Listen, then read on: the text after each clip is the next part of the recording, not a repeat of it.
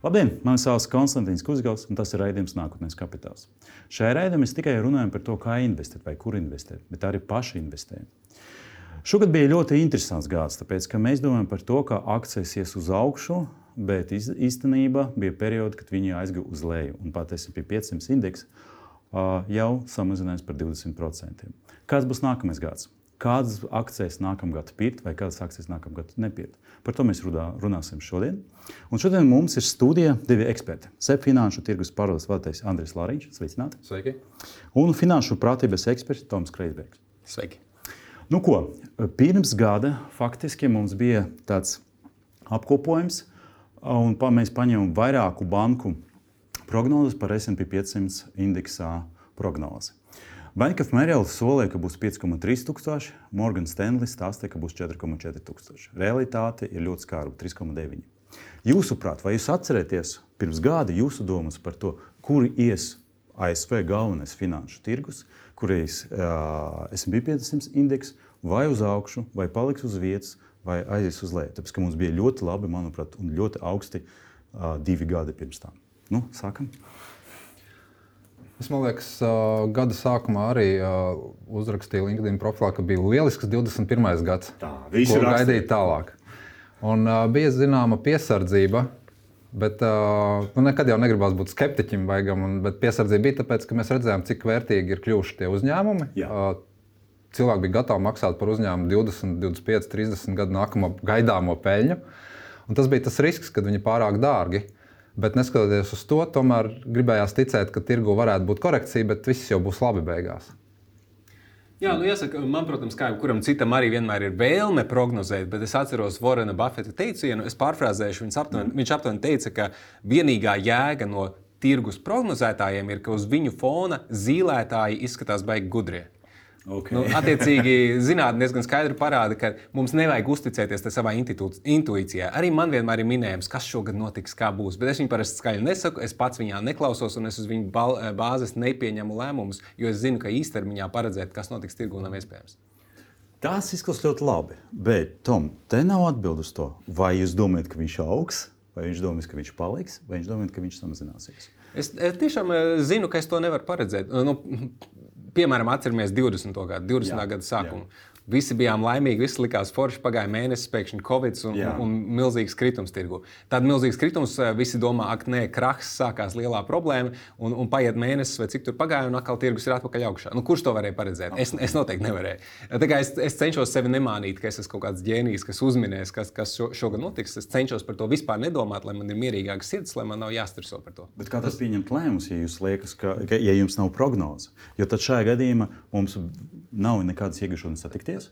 Tāpēc mēs nezinām, kas notiks. Nu, lēmumus ieguldīšanā, manuprāt, ja mēs runājam par akciju tirgu, ir jāpieņem ilgtermiņā. Un ilgtermiņā okay. prognozēt var. Okay. Jā, tā ir pavisam cita lieta.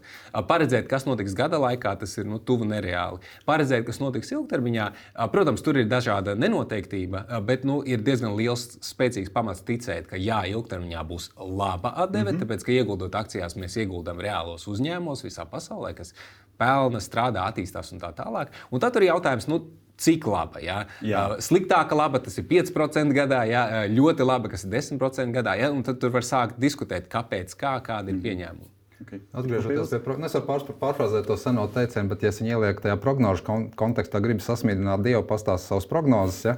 Un, uh, piekrītu tam, es, es arī nedomāju par gadu uz priekšu, nekad neplānoju, kāds būs nākamais gads. Uh, investīcijas, es domāju, kādi būs nākamie pieci gadi.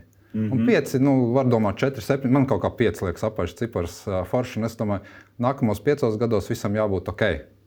Labi, interesanti. Ok, bet mēs ejam tālāk. Jo tomēr jādod kaut kādas prognozes cilvēkiem. Cilvēki skatās, cilvēki gaida. Jautājums ir tāds, kur tad investēt, kur atnest savus 50 eiro nedēļu. Šeit gribu pievērst uzmanību tam, ka tikai viena banka bija vistuvāk uh, progno, reāla situācija, tas ir Morgan Stanley Bank. Un mēs speciāli paņēmām pēdējo prognozi, kur uzrakstīja Maika Vilsona kopā ar savu komandu, kurš ir atbildīgs Morgan Stanley par investīcijiem. Un viņš prognozēja nākamo gadu, visu laiku stāsta par to, ka viņš visu laiku skatās, kas bija agrāk. Viņš mēģināja atrast vēsturē līdzīgu periodu, kur principā bija augsta inflācija, kur bija pirms recesijas baumas un, un, un tāda tiksim, nevis eiforija, bet, bet, bet sagaidīšanas, un kā tajā laikā tirgus uz to visu rēģē. Un pirmais, ko viņš interesanti uzraksta, ir tas, ka ideāls variants invest, vai laiks investīcijam, tas ir tāds, kad Ferējas paziņos par pēdējo likmi pacelšanu, un vēl, kad recesijas sākuma nav, tāpēc ka tajā brīdī visi zinām, ka vairs nebūs uh, pasliktā no Ferēsa, un uz viņu vēl joprojām var pelnīt. Tāpēc ļoti vienkāršs jautājums. Cilvēki domā, ka nākamgad tas notiks, ka būs kafejnīca, nevar visu laiku pacelt. Vai jums liekas, vai tas ir būtiski? Jo iziet no tā, ka jūs abi divi plānojat par pieciem gadiem, da vienalga, kas notiks nākamgad. Nav tas īsta momenta, kad ir jāatgriežas tirgu. Jābūt vienmēr tirgu. Tas nav vienalga, okay. taču ir jautājums, vai tu vari to kaut kā uh, uzticami paredzēt. Un šeit atkal būs cits citāts. Roberts C. Metons, kas bija Nobelpremijas laureāts ekonomikā, teica, uh, ka tirgus pareģošana ir muļķu nodarbe. Tas ir mēģinājums uzmanēt īsto brīdi, kad ieguldīt. Tā ir muļķu nodarbe. Tā, uh, tā ir neliederīga enerģija, ko tu, uh, ko tu tam velti. Uh, jo uh, nu, tas ir statistiski pierādīts, ka veiks, tie, kas mēģina noķert, kurā brīdī pirkt un pārdot, pirkt un pārdot, statistiski vidēji pelna mazāk nekā nekā tie, kas vienkārši regulāri katru mēnesi iegulda no gada uz gadu. Un šeit es varu piebilst vienu interesantu lietu, ka mēs šī gada sākumā arī parādījām vienu no pētījumiem, kur bija pateikts, ka 20 gadu griezumā, ja tu investē vienu to pašu summu katru mēnesi, gada sākumā vai tā labākā momenta, kad ir viszemākais cenas, tas starpība nebūs tik būtiska. Mēs nerunājam par to, ka viens nopelnīs divas reizes vairāk, vai mēs runājam par to, ka tas starpība ir 3-4% pēc ienesīguma. Okay. Andri, ko izdomājat par nākotni? Nu, investors investē par, par spīti riskam vienmēr. Līdz ar to mēģināt noķert momentu. Protams, līdz ar to nav vienas pareizas formulas, bet tā savu investīciju tas plāns ir jāsadala dažādos produktos. Piemēram, regulāras investīcijas tajā pašā trešajā pensiju līmenī vai, vai tajos pašos indeksu fondos. Un, ja sakrājas atsevišķu naudas summu, var mēģināt riskēt, jo tev ir tas spilventiņš, kas mm -hmm. ir tas regulārais, kas dos vidējo temperatūru okeānā, kas ir garlaicīgi un ilgtermiņā, un tad tu vari bišķīt izdzīvot stresu, mēģinot noķert konkrētus uzņēmumus. Un par to Fedu, starp citu, aizvakar bija centrālās bankas sapulce, bija ļoti agresīvi izteikumi. Un, ja mēs skatāmies centrālās bankas prognozes, tad tur jau šauja pāri 5% likmei dolāram. Arī Eiropas centrālās bankas vadītāji bija ļoti agresīvi. Pateica, negaidiet, ka tur mēs apstāsimies. Nebūs, Jā. tur viņi saka, būs 50 punkti un vēl varbūt 50. Tas nozīmē, ka procentu likums kāps. Bet nākamajā gadā, pēc tā, kad Nu, inflācija, protams, bija arī no energoresursiem. Ja mums gāze visu, visu katru gadu ir 300 eiro par megawattstundu, es ceru, ka tā nebūs. Tas nozīmē, ka inflācija ir nulle pēc tam, jo 300 pret 300 ir nulle. Bet uh, cilvēki gaida tomēr tirgu, ka tās cenas atkāpsies, kas nozīmē, ka kaut kādās produktos būs deflācija. Uh, ekonomikā pie augstām procentu likmēm un ap, ap, apgrozījuma samazināšanās būs recesija. Liela vai maza, dziļa vai ilga, to mēs varam strīdēties. Šobrīd to mēs uzzināsim, kad viņi būs un beigsies. Uh, Bet uh, tā ir iespēja, jo kaut kādā brīdī tās likmes būs jāpārtrauc celt, un tad tajā brīdī iespējams arī akciju tirgus, kurš vienmēr skatās uz nākotni, nevis uz pagātni. Un es gribētu teikt, tā, ka nu, arī pieminēja, pieminēja tās prognozes, ka viņš ir skaties uz pagātni. Yeah. Vai jūs braucot ar mašīnu līkumā, skatāties spogulītī vai pat stiklu uz priekšu? Nu, es tik un tā braucu, pamatoju savu pieredzi, kas man Jā. bija šajā ceļā. Ja es pieredze... ne, šo ceļu nepazīstu, tad savu iepriekšējo pieredzi līdzīgos ceļos. Tas, tas ir, tas ir bijis arī mānīgi. Tāpēc bieži vien notiek nelaimes gadījumi, ka mēs paļaujamies uz savu pieredzi un nerēķinamies ar strauju apstākļu maiņu apkārt kādreiz. Nu, tad tieši tāpat arī vērtspapīra tirgu. Pieredze ļoti labi palīdz saprast. Ekonomika ir arī diezgan matemātiska, bet ir arī psiholoģiska. Cilvēku aprēķināt nevienmēr var. Un līdz ar to viss šis kopums ir, rada tik sarežģītu bildi, ka, kā jau mēs runājam, vairāk reizes piemēram, prognozēt ir bezjēdzīgi, vajag rīkoties. Ja? Bet nu, rīkoties arī, protams, pie, pie, pie, piekoriģējot apkārtējo, skatoties uz apkārtējo situāciju. Bet tik un tā ir jābūt kaut kādiem principiem, pēc kuriem mēs rīkojamies. Nu, šis princips ir šī mierīgā, regulārā ieguldīšana. Jo kur ir tā lieta, um, ko, ko cilvēki bieži sa, sajauc? Ir viena lieta paredzēt, kas notiks ekonomikā, Tas ir samērā vieglāk, lai gan tas ir ļoti grūti, bet tas ir samērā vieglāk. Jā. Un ir otra lieta paredzēt, kas notiks tirgū. Jā, Jā tas ir divas dažādas lietas. Jo, tas, kas notiks Tesla ekonomikā, nav saistīts ar ekonomiku. Uh, nu, pat ne tādā ziņā, jo tas, kas notiks ekonomikā, nu, viņu kā uz kaut kādiem makroekonomikas rādītājiem balstoties, tur var mēģināt prognozēt. Uh, bet tas, kas notiek tirgū, lai tu būtu gudrāks par tirgu un ielikt īstajā brīdī, uh, tev ir jāsaprot, ko tirgus domā par ekonomiku, ko tirgus paredz, tad tev ir jāparedz veiksmīgāk par tirgu. Tev jāpasaka, nē, visi šie banķieri, viņiem nav taisnība. Viņi pārāk optimistiski vai pārāk pesimistiski. Jāliek iekšā agrāk vai vēlāk. Un tikai tad tu vari kaut ko tur tā veiksmīgi atrast īsto brīdi. Tā, tieši tāpēc Nu, tad, cits piemērs vienkārša, vienkāršākiem vārdiem. Piemēram, ja, ja mēs nu, tur par sporta spēlēm derētu. Ja? Un tur, es nezinu, Manchester United spēlēs ar kaut kādu ļoti nepopulāru maziņu klubiņu. Mēs varam paredzēt, kurš uzvarēs. Nu, varam paredzēt. Bet, bet vai tu ar to vari nopelnīt? Kurš... Nē, nu, ja, protams, gadās visādi. Bet vai tu vari nopelnīt ar to, ka Manchester United ar vāju komandu spēlēs, un es tagad, es tagad uh, sadarīšu, ka Manchester United uzvarēs? Protams, ka tu nevarēsi no, nopelnīt, tur tās likmes būs ļoti sliktas. Tāpēc, Jā. ka viss tirgus jau to saprot. Un tas ir tas pats, no, ja, piemēram, viss tirgus saprot, ka ekonomikā, piemēram, ir gaidāmi slikti laiki, nu, un es arī to saprotu, tas man nedod nekādas priekšrocības, lai uzmanētu īsto brīdi, kad pirkt vai pārdot. Ja? Jo tās akciju cenas jau atspoguļo to expectāciju. Un tāpēc tas ir tiešām grūti. Nu, šis gads gan arī parāda, ka ekonomika ir ļoti grūti prognozēt. Viss tā kā tiek prognozēts, gaidām, ka būs kaut kāda problēma daļa augstām izēvielu cenām, un tad karš. Kurš to noprognozēja? Līdz ar to jāņem vērā, ka ir notikumi, kurus nevar noprognozēt. Nu, jā, ar jums diviem pārunu es saprotu, ka esošais bankas, bijušais bankas saka, ka iespējams nekas nav iespējams prognozēt īstermiņā. Saga, var sagadīties, ka tu uzmini pareizi, un, un tu vari kaut kādas, ne, nu, par ekonomiku. Ir grūti un var gadīties pārsteigumi, bet nu, kā, nu, droši vien statistiski var kaut kādas prognozes veikt, kuras ir kaut cik liederīgas. Mm. Bet par tirgiem nu, pētījumu kopums tomēr liecina, ka tās prognozes nav pārāk liederīgas. Vismaz mēs varam runāt par to, ka jā, mēs zinām, ka nebūs labāk nākamā gada. Nu, nevar būt tā, ka mēs atgriezīsimies. Mēs principā pareidzam to, ka būs nu, vai tikpat slikti, vai drusku sliktāk. Kāpēc, kāpēc tāda koncentrācija uz nākamo gadu? Es skatos, ka cilvēks 2000 gadu laikā ir attīstījusies, un es ticu, ka vidēji arī turpmāk viņa attīstīsies. Tā tad būs super labi. Un tāpēc ir jāskatās ilgtermiņā. Tad, tad ir jā, nu viens negrib skatīties ilgtermiņā, gribam naudu rīt. Un tā ir tā problēma pacietības trūkums.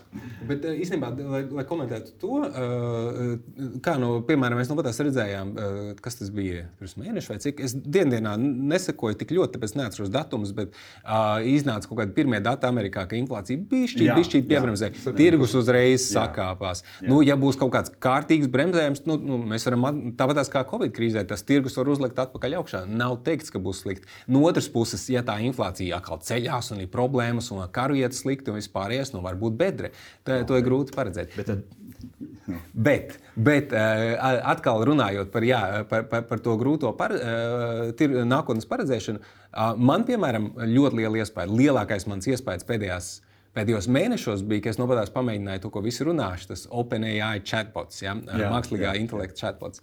Tu paskaties uz šo tehnoloģiju, kas man šokēja, nu, tas, tas, tas leciens, kas tur jā. ir. Un es saprotu, ka es vispār nezinu, kas nākamo 50 gadu laikā notiks. Nu, nākamo 50 gadu laikā šī tehnoloģija, piemēram, var izmainīt pasauli vairāk nekā izmainīt tur Covid vai nu, pēdējo pāris gadu laikā, vai vēl kaut kas. Ja? Tu, kā, nu, ir, ir ļoti grūti domāt, ka mēs tagad, tagad izreikināsim.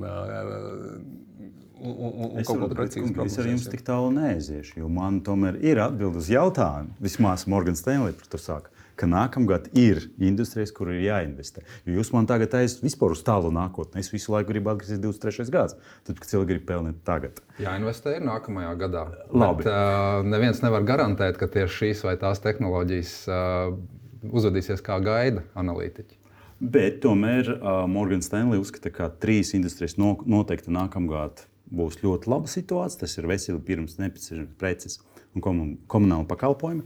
Un divas, kur nevajag investēt, tas ir tehnoloģiskas iekārtas un ilglietojamie preces. Īsumā, jo šaubos, ka jūs man dosiet vārdu, bet tas ir ok. Uh, veselības nozare. Kāpēc? Tāpēc, ka principā tad, kad viss ir slikti, veselības nozare ir ļoti stabila. Un viņi nav tik dārgi kā vispārējais, jo netik sen tehnoloģijas segments bija nenormāli pārvērtēts. Bet interesanti lieta, ka uh, labāk investēt nevis lielos uzņēmumus, kur principā pieprasījums var būt pēc iespējas lielāks, bet tieši mazos. Man vēl veselības industrijas nav, bet es visu laiku par to domāju. Kamera vēl man ir 5 minūtes, es skriešu tālāk.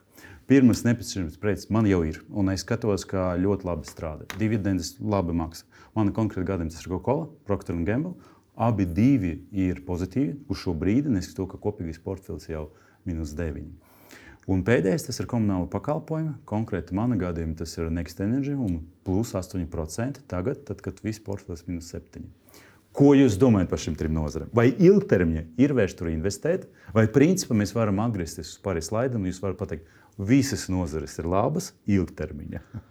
Viens no investēšanas principiem ir nelikt visus solus vienā grozā un nelikt visas grozas vienā lidmašīnā. Līdz ar to uh, es neizdalītu atsevišķi. Ja man būtu kaut kāds viens sektors manā portfelī, es baidītos un es meklētu kaut ko no citiem sektoriem, lai izlīdzinātu. Daži no viņiem rulē uz augstām energoresursu cenām, komunālajie, ja, ja tika pieminēts. Jā. jā, es negaidu, ka viņi rulēs bezgalīgi. Būs tur kaut kāda korekcija, un iespējams arī liela korekcija. Varbūt ne, daudz ko nosaka karš Ukrajinā. Veselība, man liekas, ļoti forša nozara. Ir īpaši, ko, bet veselība kopā ar tehnoloģijām, jo šobrīd mans mobilais telefons par mani zina vairāk par manu veselību okay. nekā ārsts, pie kuras nezinu, divus gadus neesmu bijis. Un, līdz ar to veselību un tehnoloģijas kombinācijā uz 8 miljardiem iedzīvotāju pasaulē mazāk maksāt spējīgi, vairāk maksāt, agri vai vēl, manuprāt, liekas, jā, ok.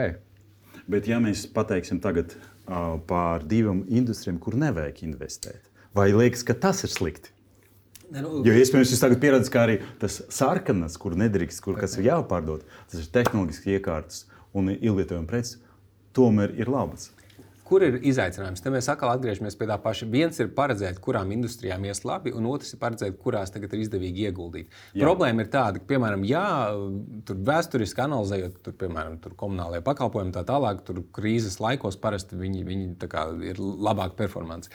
Bet problēma ir tāda, ka tajā brīdī, kad tu kā cilvēks parastais to saproti, nu parasti jau visa Wall Street, visi investori to sen jau zina, cenas Jā. ir pacelšās, un tev tā iespēja vairs nav.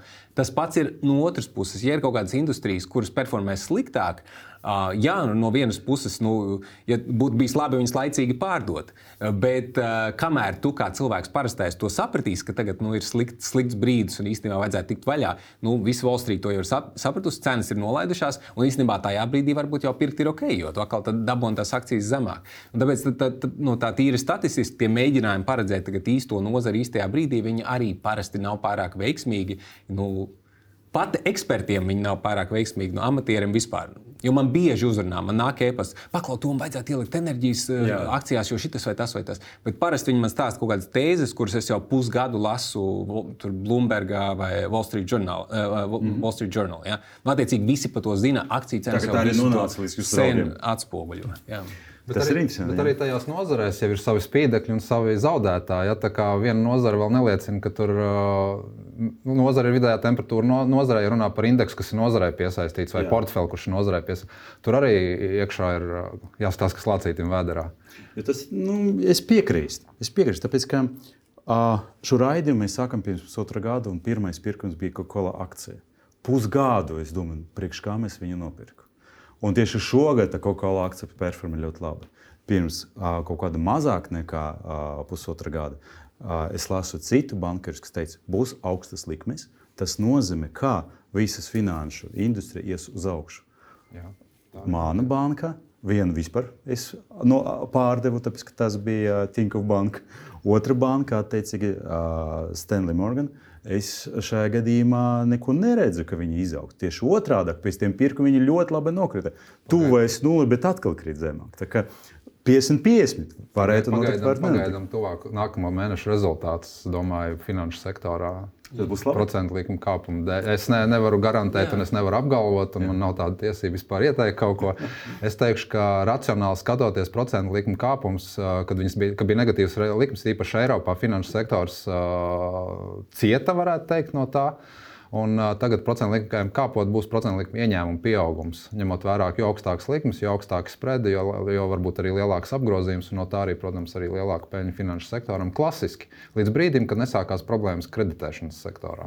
Jā. Nu, un, bet, eh, kas vēl ir jāņem vērā, ja mēs skatāmies uz tām lielajām Wall Street bankām, ir jānošķir kredīt, eh, kredītiestādes no investīciju bankām, kas nodarbojas ar tirgošanos, uzņēmumu apvienošanos un visu kaut ko citu, ko ietekmē ekonomika. Ja, ja, ja mēs runājam par kredītiestādēm, jā, eh, tur, kas tīri kreditē un kur ir augstāks procentu likmes un tā tālāk, tur nu, mēs jau Baltijā redzam, kas tur Igaunijā bija bankām kaut kādi rezultāti, LHV, tur COP vai kas. Nu, tur, kā, var jau redzēt, ka kā, efekts, efekti parādās. Kā, domāju, okay, labi. Jums bija ļoti labs komentārs par to, ka ir jāskatās sistēma industrijas, kas tur ir iekšā, kas ar lācītiem ir veidoti. Tāpēc, ka varētu būt gan labi industrijas spēlētāji, gan slikti.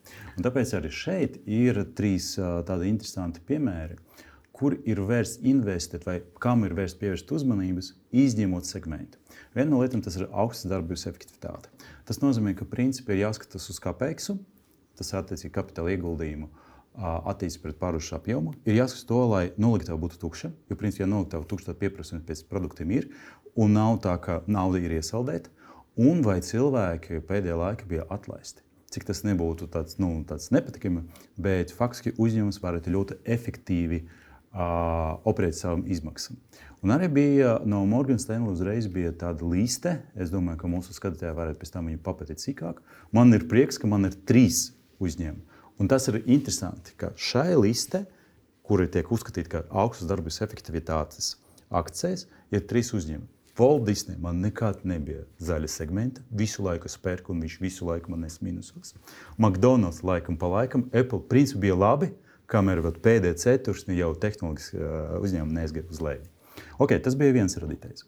Otrais radītājs ir dividendžu akcijas. Tāpēc, ka principā, ja mēs zinām to, ka vairs mēs nevaram orientēties, ka akciju vērtība izaugs, tad vismaz mēģināsim pelnīt no tā, ka dividendes nāks. Kas šeit? Šeit arī ir sava liste. Jūs mūsu skatījumā varat par to papētīt. Nextera, Enģina, Coca-Cola. Nextera zinu labas uh, dividendes maksas. Coca-Cola nekā īpaša, bet viņa šeit arī tā liste ir. Un trešais rādītājs tas ir faktiski, uh, vai uzņēmumi ir brīva nauda, kur viņš var rīkoties. Mēs zinām, ka piemēram tam pašam Apple un Alphabet vai Google ir tik daudz naudas, ka viņi var samaksāt kādam valstim parādu. Prieks, ka šie divi uh, uzņēmumi arī ir liste. Ko jūs par to visu domājat? Mēs parunājam par segmentiem, bet ir kaut kas tāds, nu, savādāki radītāji. Kas, jo šeit arī šeit mēs redzam, ka ir gan enerģētika, gan finanses, gan informācijas tehnoloģijas, kas principā nav starp tiem, kuri ir vērsti investēt, kas segmenti, bet šajā segmentā ir savas pērlis. Vai jūs nākamgad meklēsiet kaut kādas savas spēles, izjūt no šiem trim vai no kādiem citiem radītājiem? Nu, šeit ir tā, tad, eh, te, te jau no, inter, no zinātniskās perspektīvas īstenībā ir interesanti. Eh, jo, eh, ja paredzēt, kurā brīdī tirgus kāps vai kritīs, to nav iespējams, tad par tā saucamo faktoru ieguldīšanu ir pretrunīgi viedokļi. Un, attiecīgi, ir kaut kāda pierādījuma bāze, ka, piemēram, uzņēmumi, kur konsekventi maksā dividendes, ka iespējams viņiem ilgtermiņā ir labākas atdeves. Jā. Ir kaut kāda pierādījuma bāze, ka salīdzinoši mazāki uzņēmumi pret lielākiem uzņēmumiem var uh, uzrādīt labākus rezultātus. Uh, ir, dažādi kvalitātes faktori. Uh, nu, tur tu saki, tur ir ienesīgi uzņēmumi un tā tālāk. Uh, tas, no kā šeit vienīgi ir jāuzmanās, ir, ka katrs banķieris un gudrs analītiķis izdomās savu kaut kādu kritēriju. Viņš paskatās kaut kādā vēsturiskā nogriezienī un saka, tur, ok, paskaties, kāds tur bija kapeks, kāds tur bija ienesījums, kāds bija šis pareizi, 3, atņem 15 un pēc tā sasortē. Un tad man ir jāatcerās, kas ir fiks. Jā, jā. Un, un, un parasti tas, tas, tas tik labi ne, nestrādā, jo katrs var izdomāt savu formulu, kas kaut kādā periodā strādā. Bet tā lielajā bildē ir kaut kādi faktori, kas ir jā, nu tiešām dividendes var nedaudz. Nu, ir, ir, ir pamats domāt, ka tas varētu statistiski būt saistīts ar nu, labāku ilgtermiņa atdevi. Tāpat mazāks izmērs ir kaut kādi eh, daži tie faktori, kuriem ir pašam dividendiem. Pat uh, Buffets saka par to. Es neinvestēju uzņēmumus, kurus maksā dividendes. Ja viņi maksā dividendes, tad viņi ne, nemaksā vai parasti niegulda šo naudu savu attīstību. Nu, tur ir, šie, ir divi veidi. Viņi neaugs. Iegu, Tiešām Bafets tā saka, jo man liekas, viņam, viņam portfelī tur pietiek, kas, Coca -Cola. Bet viņš arī pateica, ka viņi Coca-Cola nopirka tik sen un jā. pat tik, tik mazu summu, ka, ja viņi nokris par 90%, viņiem tāpat būs peļņa. jo, nē, nu, jā, viens ir, ja tu meklē tos, kas tā saka, izšaus nu, tad, tad, tad tu parasti neskaties uz dividendžu uzņēmumiem. Ja? Jā. Uh, bet, ja mēs skatāmies savādāk uz ieguldīšanu akciju tirgu, mēs pelnām būtībā divos veidos. Viens ir no dividendēm, un otrs ir no izaugsmas. Abi veidi ir ok. Uh, un parasti no tās tīrās tirgus teorijas uh, dividendžu uzņēmumi būs salīdzinoši lētāki. Nu, tādā ziņā viņi atspoguļo to, ka tur ir mazāk izaugsme. Savukārt, mēs no kādas runājam par IT uzņēmumiem, kuriem tur bija tie, tu maksā par 30 gadu, nākamo 30 gadu peļņu. Tas ir tāpēc, ka tur gaida gaida, ka būs milzīga izaugsme, mākslīgais intelekts un viss pārējais. Ja? Un tāpēc abos veidos tu vari ieguldīt, bet nu, nav nekādas brīvpusdienas. Ja? Ja, ja tu gribi tos uzņēmumus, kur gaidām lielā izaugsme, tu ļoti dārgi par viņiem samaksā. Jūsu pozīcija? Oh, ja es padalos ar savu pieeju, tad, princip, tad es pirms, pirms atgriežos pie tā, ka regulāras iemaksas trešajā pensiju līmenī, Jā. regulāras mazas iemaksas kaut kādos indeksu fondos man veido to drošības pilveni ilgtermiņā. Jā. Un tad ir tas izaicinājums sakrāt, bet nu, tie trešie, kādreiz bija trešais pensiju līmenis, pieci gadi, tad tu piecos gados kaut ko sakrāji, un tad uh, tu turpini atkal maksāt, bet to, ko tu sakrāji, tu vari sākt iet akciju tirgu. Jo okay. tu zini, ka tu drošības pilvens tev tur ir, lai tu nepazaudētu ieliekot vienā uzņēmumā, un tad atkal ar vienu uzņēmumu akciju tirgu nu, baigi nav vērts uh, mm -hmm. bīstami. Tāpēc es parasti skatos, lai portfelī būtu gan kāds no augstām dividendēm, un, kā jau minēju, ļoti garlaicīgi bieži vien tie uzņēmumi, tur cena akcijām tur minimāls svārstās, bet toties tev ir stabili, tu vari sagaidīt kaut kādu pabalstiņu. Nu, labas, jā, nu, man mīļš ir Francijas tirgus, es piemēram teiktu Orange kompānija. Ja? Es, es dalos ar, ar, ar tiem tirgiem un segmentiem. Mīļš man ir Francijas tirgus, Orange, piemēram, maksā labas dividendes. Un kas ir interesanti, ko arī nu, profesionāli zina, bet uh, parasti tirgus palaiž garām. Tā bija tie grūtie laiki un kaut kāda kā gaidāma krīze, kad finanšu sektors kritās. Finanšu sektoram dividendes bija aptuveni 10-15% gadā. Nu, ja mēs skatāmies 20. gadu ja, nu, pret akciju cenu. Mm -hmm. Tā kā arī finanšu sektorā reizēm ir pērles, kur, kā, kamēr cena ir saprātīga, tad dividendžu yields ir izskatās ļoti labs. Es vairāk skatos uz uh, to pašu price earnings, jeb uh, to indeksu, cik, cik tās nākamā gada peļņas, lai viņš būtu zemāks pēc iespējas. Tad es skatos, tātad, lai dividendžu yields būtu pēc iespējas augstāks. Un vēl skatos, protams, kā pēdējā gada laikā, ja parasti ir Yahoo Finance, Google Finance pieņemti 52 nedēļu augstākie, zemākie līmeņi, man nereti ir tā, ka es skatos, kuram ir lielāka amplitūda un kurš ir tuvāk tam apakšgalam. Man liekas, ka viņam ir lielākā iespēja pacelt. Bet no šīm, piemēram, man, es zinu, ka Apple ir lieliska kompānija, bet man ir skepsis un man nepatīk populāri investīciju objekti. Bet alfabēts, kas arī ir, bet alfabētam tagad arī tāda cena, ka es skatos, tas savukārt man liekas interesants un es domāju uz viņu mākoņu pakalpojumiem, uz viņu Piemēram, mākslīgā intelekta, jau kā, kā, kā, kā viņi teica, Google alfabēta īpašnieki, mēs nepiedāvājam meklēšanas pakalpojumus, mēs trenējam savu mākslīgo intelektu. Katrs no mums, kurš ielāgojas un Jā, kaut ko tur raksta, laicīgi, abiem, ne abiem, bet uh, metei un alfabētam būs noteikti ilgtermiņa problēmas Eiropā. Tāpēc, ka tur noteikti ir cīņa par privātumu, un mēs to arī Jā, redzam. Protams. Mēta tas jau ļoti būtiski atspoguļojas. Un arī alfabētam ir, būsim realisti, viņi joprojām pelna no reklāmas mm. ienākumiem. Tas un reklāma viņam samazinās. Tuvākā pusgadā būs liela problēma, pēc Jā. tam atkal viss rulēs, izdomās okay. citu, citu, ve, citu veidu un tā tālāk. Bet tieši tāpēc labi, tehnoloģijas varbūt pārvērtētas, tagad jau vairs ne tik ļoti pārvērtētas. Paņemam Ķīnu. Man patīk Ķīna par šīm cenām. Bet labi, jums vienu reizi uh, viens sekretārs pamodīsies, viņam cits garas stāvoklis, jo uh, viņu galvenais mīlestības. Bez riska nenopelnīs. Mēs tad gribam formulu, kā tagad mierīgi pa nakti gulēt. Es saku, ja grib mierīgi pa nakti gulēt, Latvijas krājuma obligācijas normāla investīcija. Guli. Garantēts ienesīgums. ah, jā, bet mēs gribam negulēt pa nakti. Tad ir akciju tirgus, bet uh, bez riska nav peļņas.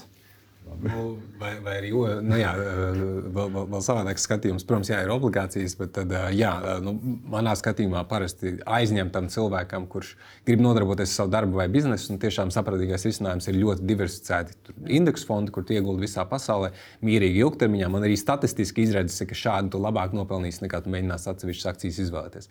Tad, ja tu gribi bišķi izklaidēties, jā, es pats kādreiz esmu izklaidējies, kādu akcijas nopirkt, tāpēc, ka ir interesanti, tāpēc, ka var paskatīties, bet nevajag savu, sevi mānīt tu, kā Vorens Buffets, tagad tur uh, kaut ko uzspridzinās, nopelnīs vairāk nekā tajos indeksu fondos. Tas ir maz ticams. Bet uh, piebildīšu, ka Vorens Buffets arī nekļuva par miljardieru agrā jaunībā.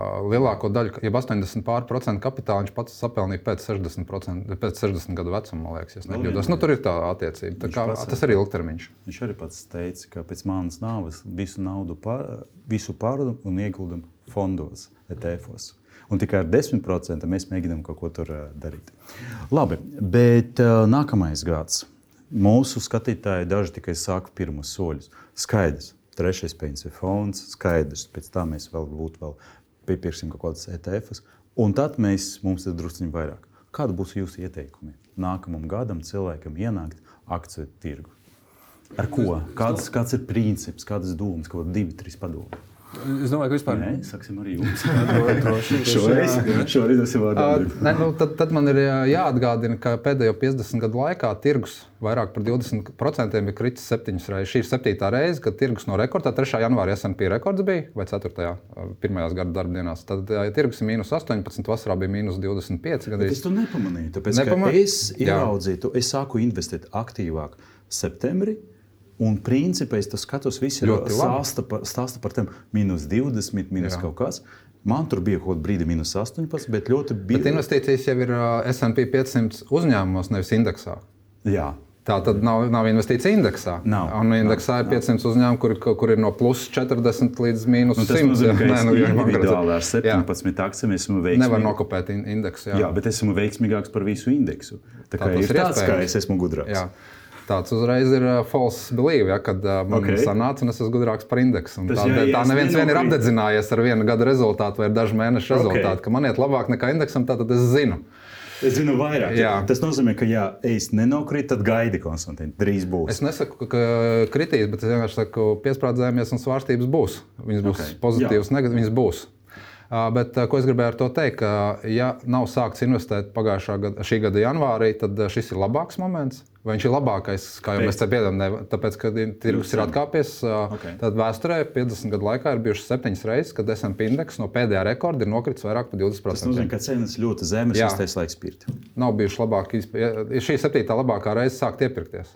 Viss Bet- skrienu pie sevis. Bet naudu. ne, atstāt naudas rezervi. Nu nevar tā, ka es sakrāju 1000 eiro, es visu 1000 bliežu tirgu tagad šodien. Bet nu, labākais moments ir jāpērk. Nebūs labākā momenta. Es saku, labākais periods. Vai, nu, varbūt es nepareizi izteicu, es teicu, brīdis, vai tad labākais periods, sākot no tur, marta, jūnija, kad bija pirmais gāziens, tad augustā bija eifórija, pakāpās tā, tā kā Jā. oktobrī bija jauna rekorda.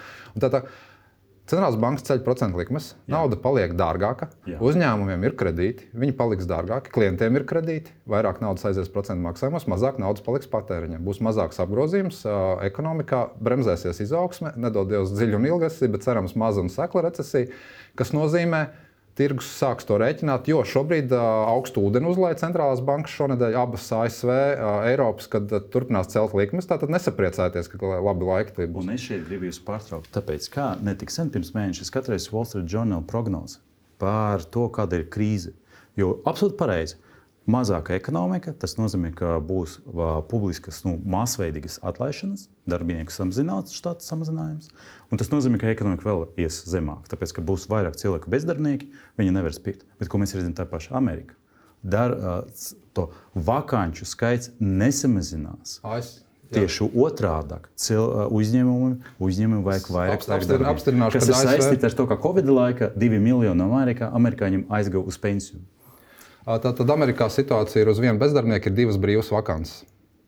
Eiropā uz vienu bezdarbnieku ir tur dažādi statistika, 0,3, 0,7 vakances.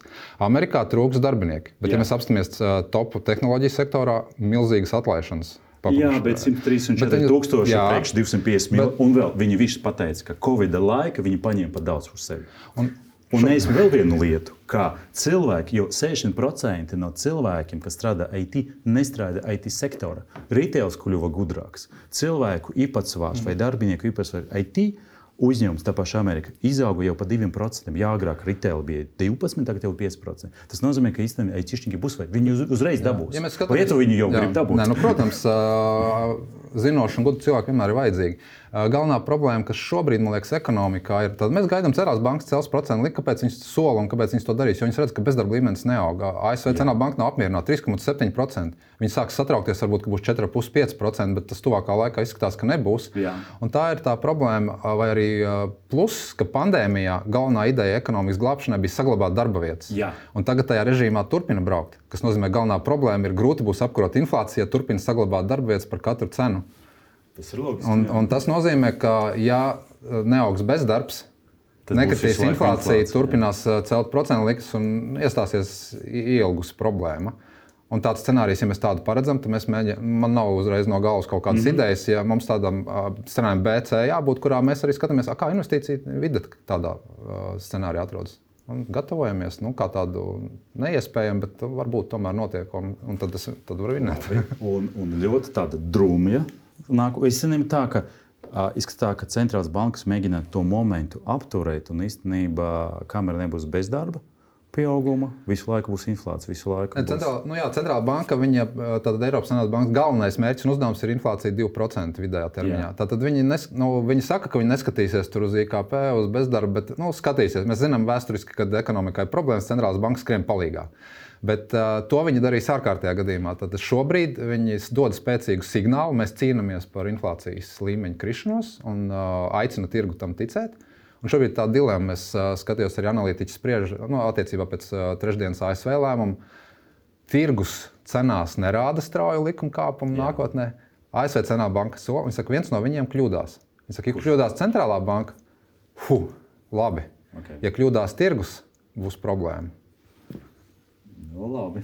uh, es domāju, mēs aizgājām dziļā diskusijā par ekonomiku. Tas, tas viss ir ļoti interesanti. Tā, tā ir saistība. Ko cilvēki man liekas, jā, jā, man, man liekas, ka savsais atlikums, jā, ko, ko gan jau kolēģis pieminēja, ir, kad cilvēkiem kas, kas ir īpaši sāk ieguldīt, nu, tomēr ir jāatgriežas pie pamatiem. Pirmkārt, vajag drošības spilvenu. Nu, vismaz ir jāatstāj naudu kontā, lai vairākus mēnešus dzīvotu. Ja tomēr atlaiž no darba, ir problēmas, nu, lai, lai ir tās rezerves. Uh, tad Kas ir virs tā, jā, mēs jau minējām, otrais, trešais, nu, mm. otrais līmenis automātiski, trešais pensiju līmenis vai uzkrājuša apdrošināšana, tā ir opcija. Tad mēs varam ieguldīt indeksu fondos, ieguldīt diversificētos portfeļos. Un tie, kuriem tiešām veicās, kas, protams, ir mazs procents, kam ir vēl brīvie līdzekļi, kurus papildu ieguldīt, nu, tad, jā, protams, var sākt skatīties um, uzņēmumus, kas ir pievilcīgi, kaut kādas nozares, kas ir pievilcīgas. Taču es es sev jautātu, vai tu gribi, um, ja tu neesi finanšu eksperts, vai tu gribi šo hobiju. Ja tu gribi šo hobiju, ok, okay. bet nu, tad lai ej iekšā, mācies, lasi finanšu pārskats un tā tālāk. Ja tu negribi šo hobiju, nu, tad parastajam cilvēkam parasti gudrāk ir nevis tur izvēlēties Apple vai Amazon vai kādu citu, bet paņemt to pašu indeksu fondu, ieguldīt plaši un tad veltīt savu laiku darbam vai ģimenei, nevis šim. Kā, nu, tas ir jautājums, vai tev patīk šī lieta kā hobijs vai nē. Un, nu, nav, un arī druskuļi piesienoties vārdiem, nu, finanšu eksperti. Arī es domāju, daudz investoru, nu, viņi pirmajos soļos, tu vari izlasīt 30 grāmatas. Emocijas tu nevari. Pret, nē, nē tu vari izlasīt grāmatas un mēģināt, un emocijas spēlē milzīgu jā, lomu. Jā. Un, protams, ka jau viss ir tādi eksperti, kas strādā akciju tirgu, bankas, investīciju bankas, investori. Ja? Kāpēc tad šogad akciju tirgus ir spēle, grib būt miljonārs priekš miljardieriem? Ja? Okay. Un kāpēc mēs sākumā runājam, ka Morgan Stanley ir uzmanējis pareizi, bet mēs tā kā neparunājam, kāpēc vispārējie uzmanīja nepareizi? Statistiski tā kāpēc viss kļūdījās? Nu, attiecīgi, pat gudrie eksperti, Jā. lielais vairums viņiem nebija taisnība. Un ļoti iespējams, ka Morgan Stanley pabeigās, nevis ka viņi gudri kaut ko izdomāja. Man, nu, pra, man arī citreiz prasa, nu, kur investēt. Saka, nu, ļoti vienkāršs variants. Aiziet uz ielas, atrodiet divus ekonomistus, optimistu un pesimistu. Un jūsu uzdevums ir izvēlēties, kuram ticēt. Labi, tas bija raidījums Nākotnes kapitāls. Kopā ar mani šodien studijā bija divi eksperti. Uh, SEP finanšu tirgus pārvaldes vadītājs Andris uh, Lariņš un uh, finanšu pratības sekretārs Toms Kreisbergs. Godīgi sakot, pēc sarunas ar jums man nav, nekļuva skaidrāk, kur investēt nākamgad, izņemot vienu lietu. ETF un trešais pensiju fonds. Viss pārējais ir hobijs. Paldies jums par šo sarunu. Un uh, jums, skatītāji, gribu pateikt par to, ka nākamā nedēļa Raivis runās ar citiem ekspertiem un runās par kriptovalūtu uh, un par investīcijiem peer-to-peer segmentu. Tā kā paskatīsimies, ko eksperti no šajā segmenta viņam pateiks. Paldies jums visiem un tiekamies jau pēc nedēļas.